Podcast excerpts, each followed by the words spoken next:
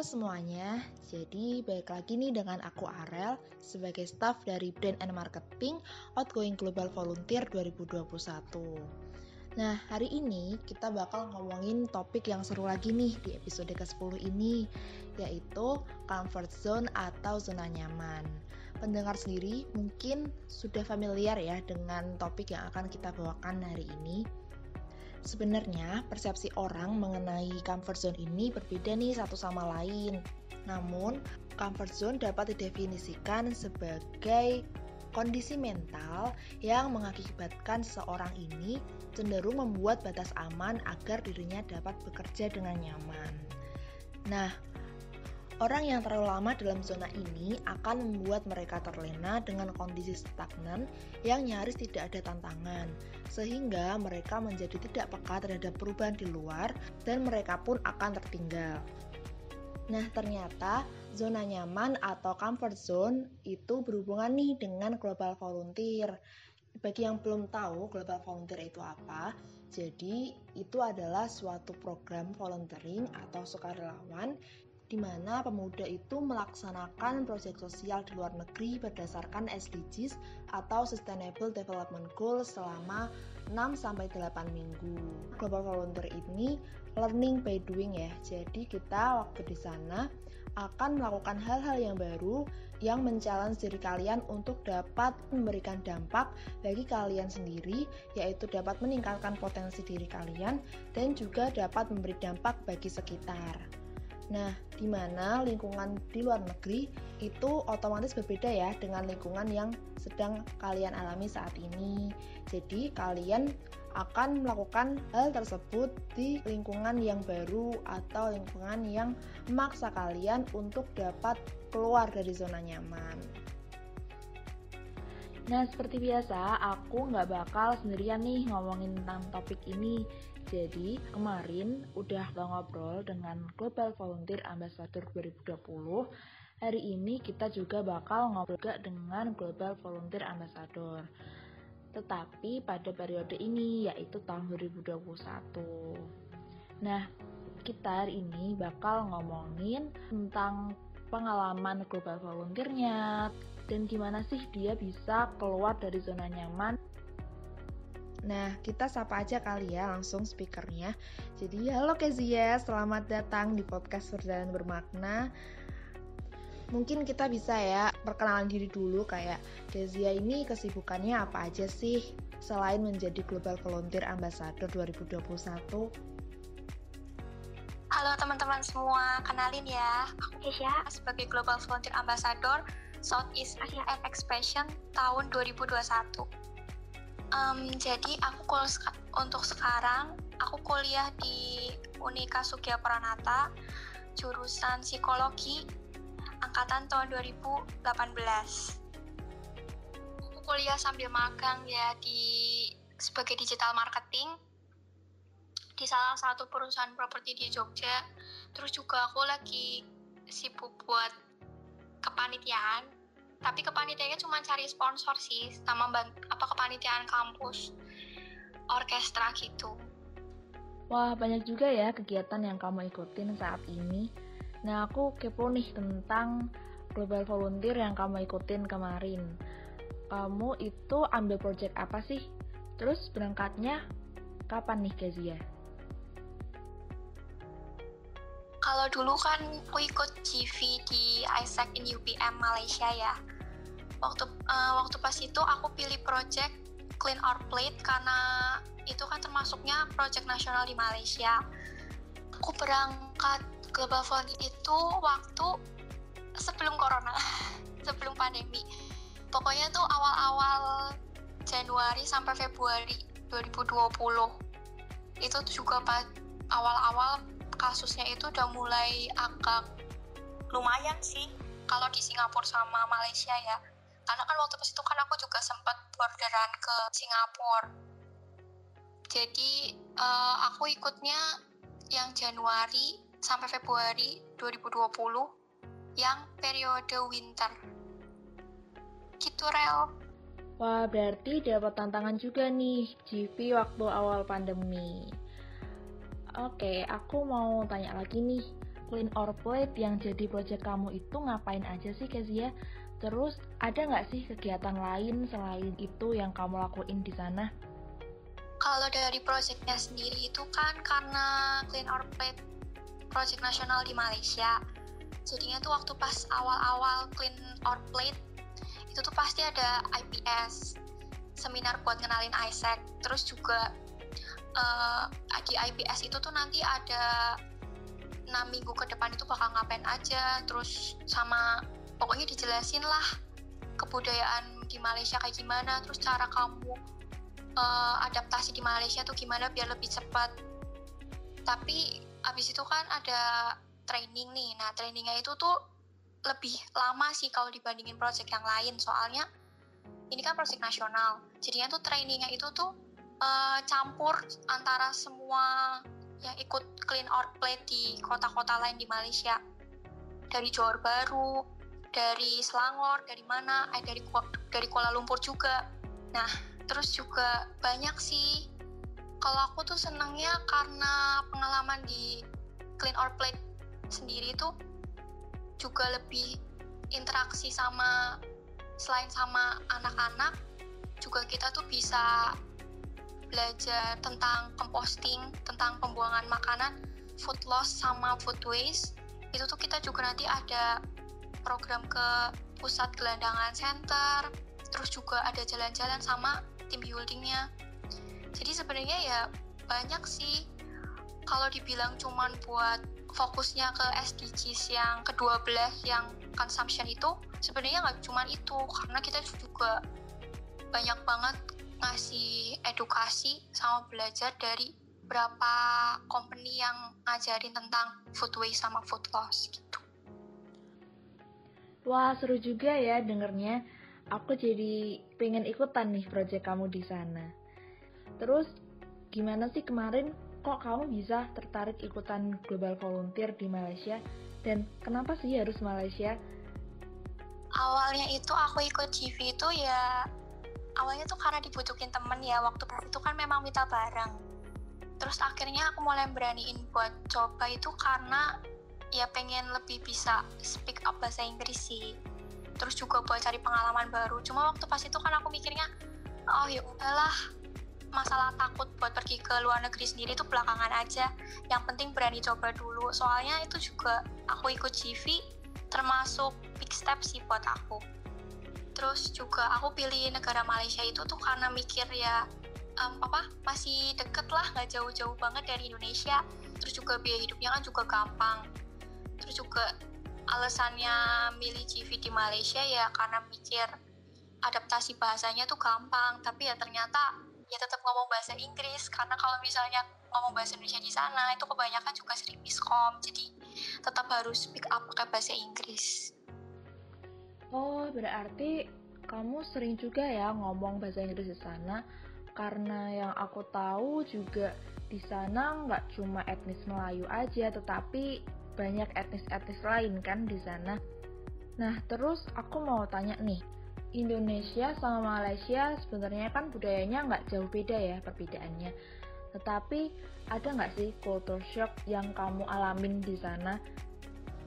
Kalau bicara soal culture shock ya berarti um, di Malaysia sendiri itu sih mungkin makanannya ya. Karena waktu pas awal-awal ke Malaysia itu tuh um, ya nggak begitu cocok aja sama makanannya. Sampai yang seminggu pertama pas datang ke Malaysia tuh makan mie terus mie instan terus yang aku bawa dari Indonesia kan. Terus juga aku juga bawa apa terus juga temanku ada yang bawa kerupuk. Jadi itu mungkin kalau cultural shocknya tuh lebih ke ke makanan terus juga asrama sih. Karena sempat beberapa kali itu susah buat adaptasi di asrama karena kan aku tipe orangnya kan kalau introvert itu kan harus butuh waktu sendiri kan. Kalau misalnya udah terlalu capek ya pengennya tuh sendiri jangan apa nggak mau yang terlalu berisik. Jadi kayak butuh waktu me time lebih lah kalau dibandingin anak extrovert Nah tapi mungkin karena di asrama terlalu banyak orang, jadinya kadang-kadang ya konflik sama anak-anak asrama juga. Karena waktu pas dulu yang orang Vietnam sempat ada yang nginjek tanah terus juga asramanya jadi kotor terus akhirnya kita jadi agak berantem terus juga sempat juga yang dari Isaac di Indonesia tapi bukan di Semarang pokoknya tuh uh, asram, satu asrama sama aku tapi beda kamar. Dia itu tuh kalau nyalain musik tuh berisik banget. Jadi kayak aduh adaptasinya tuh bener-bener gila-gilaan sih. Nggak cuman dari makanan tapi juga dari gaya hidup di asrama itu sendiri. Sama bahasa juga ya termasuk itu. Kalau menurutku itu sih yang menurutku paling cukup besar Waduh, berarti ada makanan, terus ada teman atau lingkungan kamu juga di sana. Oh iya, tadi sempat nyinggung soal bahasa yang kamu gunain juga ya di sana. Terus selain itu ada nggak sih tantangan lain yang kamu harus hadapin di sana? Selain tantangan yang dari CV itu sendiri, aku juga sempat ngalamin sih. Maksudnya yang aku sempat sakit lah di Malaysia. Sebenarnya tuh uh, banyak banget sih tantangan yang aku hadapin Oh iya, mungkin para pendengar penasaran nih tentang Kezia. Apakah dari dulu emang Kezia itu suka buat mencoba hal baru dan jiwanya tuh emang adventure banget atau malah sebaliknya nih, kamu tuh dulunya pasif, tapi setelah mengikuti GV kamu jadi lebih aktif. Nah, kalau misalnya teman-teman dengerin podcast ini, tau lah karakterku yang dulu tuh kayak gimana. Dulu tuh aku tuh bener-bener pemalu. Terus kalau ngomong di depan orang, itu tuh selalu canggung.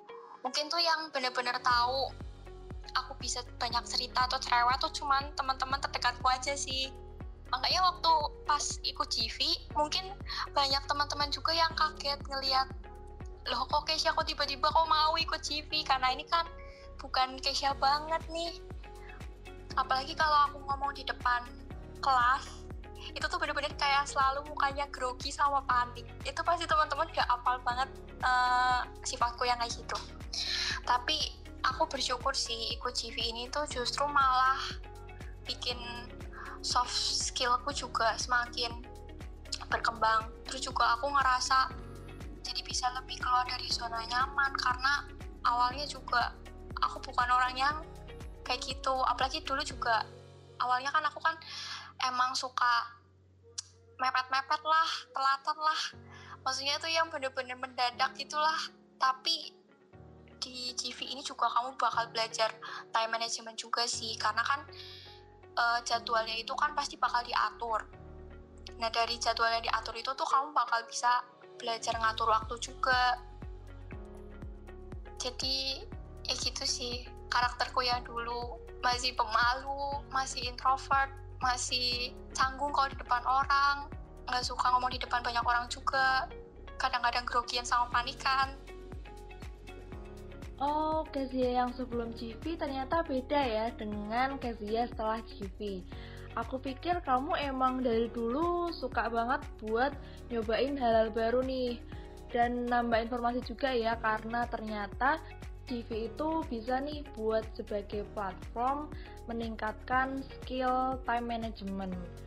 Terus ada nggak sih skill-skill lain yang kamu tingkatin setelah mengikuti CV kemarin?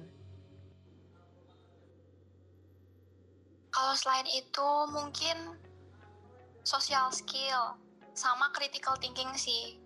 Kalau critical thinking itu tuh karena kalau misalnya lagi butuh apa kalau lagi ada tantangan-tantangan baru itu kan pasti kan kita kan perlu problem solving ya jadi itu kayak kita tuh harus bisa cari pemecahan masalah karena kan nggak nggak mesti CV itu tuh pengalamannya tuh bakalan seneng terus pasti kan juga ada tantangan sama ada ada hambatan-hambatannya kan. Nah di situ kita tuh harus bisa nyelesain masalah ya dengan cara critical thinking sama problem solving. Terus juga menurutku teamwork juga termasuk sih. Karena kan kita kan harus kerja sebagai tim. Kita harus kerja sebagai tim kalau misalnya edukasi anak-anak di Malaysia itu kita juga harus bagi tugas. Jadi kayak ada yang jadi speaker ada yang jadi host terus ada juga yang khusus untuk ice breaking. Jadinya kita tuh bisa lebih nanemin kerjasamanya kita supaya lebih baik lagi gitu. Apalagi kalau misalnya antar antar tim Wah, ternyata banyak juga ya kemampuan yang bisa Kezia tingkatin setelah mengikuti Global Volunteer. Nah, terus di awal tadi kamu juga sempat nih nyebutin kalau proyek yang kamu ambil itu kan proyek nasionalnya Malaysia. Pasti banyak juga dong daerah-daerah di Malaysia yang ngambil proyek yang sama kayak kamu. Dan itu bisa memperluas relasi dan pertemanan kamu juga kan di sana? Iya, itu soalnya tuh kalau misalnya kalian ikut CV, itu tuh kalian tuh bakal banyak banget dapetin relasi sih. Jadinya lebih tahu juga orang dari negara lain kayak gimana, terus juga cara mereka ngatasin budaya itu gimana. Terus kita juga lebih terbuka sih sama orang-orang baru. Karena jujur awalnya tuh aku ya juga bukan orang yang suka hal-hal yang baru sih. Karena kan aku kan bener-bener introvert kan. Introvert terus juga aku tuh kalau ketemu sama orang baru tuh sering banget kayak grogian. Apalagi kalau ngomong di depan banyak orang. Dan justru itu CV tuh jadi kayak tantangan buat aku. Karena apalagi kalau buat edukasi anak-anak itu kan harus ngomong di depan banyak orang tuh. Nggak cuma satu dua tapi satu kelas. Itu tuh bener-bener awalnya tuh dredek banget sampai gemeteran. Terus juga waktu pas training kan kita juga diajakin public speaking. Tapi menurutku worth it sih karena uh, semakin lama kamu belajar dari tantangan itu ya semakin kamu ngerti juga gimana kita belajar public speaking gimana cara kita berinteraksi sama orang baru. Gitu sih kalau dari pengalamanku. Wah iya, aku setuju banget nih sama apa yang kamu katain barusan. Dan mungkin ini pertanyaan yang udah ditunggu-tunggu ya sama para pendengar sekalian. Gimana sih kamu waktu mencoba untuk beradaptasi di Malaysia yang di mana kan lingkungan di sana tidak familiar banget ya dengan apa yang kamu rasain di sini dan ada nggak sih tips dan trik yang bisa kamu sharing buat para pendengar sekalian?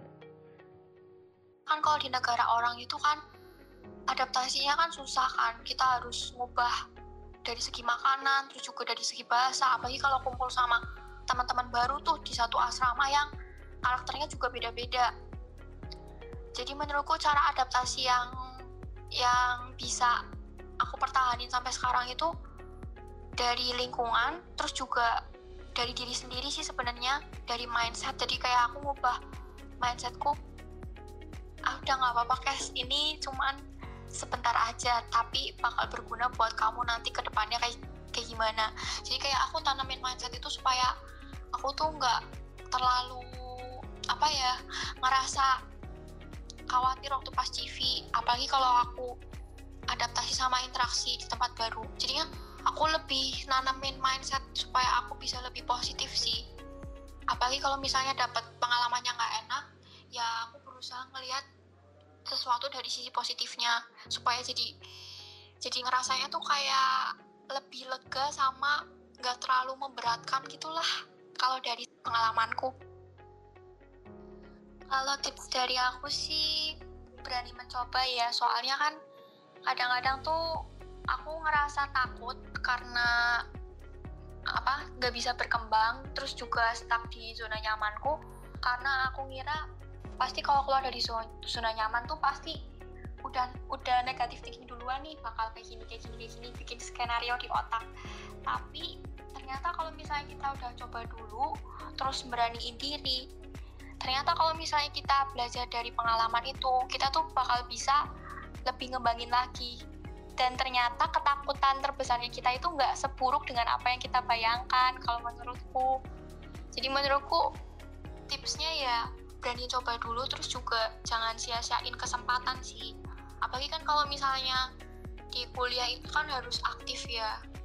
Jadinya mulai bisa cari pengalaman magang lah atau volunteer lah atau organisasi lah yang justru bakal bisa berguna nanti kalau misalnya kita bakal bangun karir kalau menurutku gitu.